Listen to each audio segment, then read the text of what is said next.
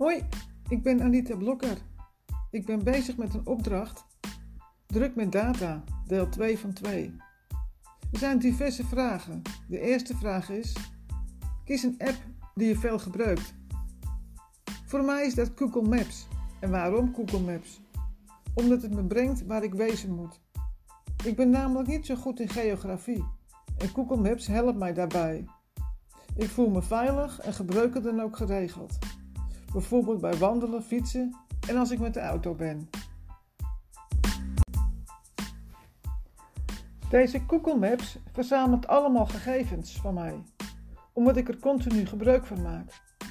Deze app weet bijvoorbeeld waar ik woon, maar ook waar ik ben geweest. Het kan precies aangeven waar mijn thuislocatie is. En als ik van huis ben, kan het exact aangeven in welke plaats ik ben en of welk land.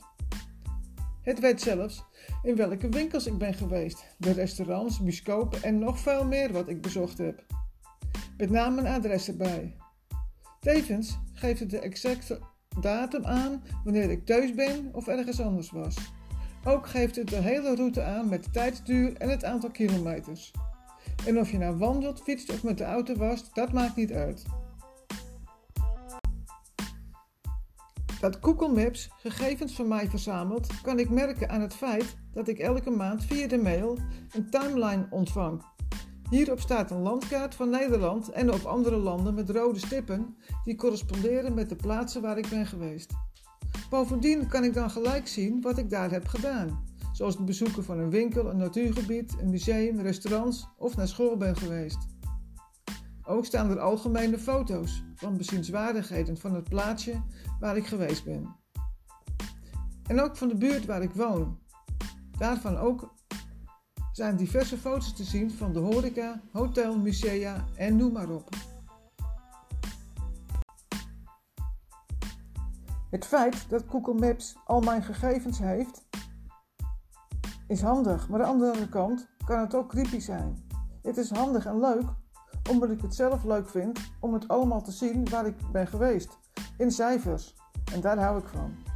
Ik weet natuurlijk wel waar ik ben geweest, maar ik vind het overzichtje mooi om te zien met alle informatie eromheen. En ik denk ook wel eens, klinkt misschien gek hoor, maar dan kunnen ze me traceren. En dan kunnen ze zien waar ik geweest ben of waar ik nog ben. En wat ik extra handig vind, is dat als je in een onbekend gebied bent of onbekend plaatsje, dat je daar kan zien wat de bezienswaardigheden zijn.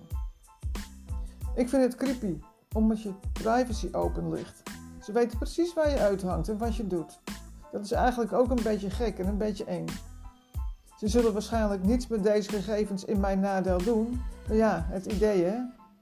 Wat betreft de timeline, toen ik dat voor de eerste keer zag in mijn mail, schrok ik toch ook wel een beetje.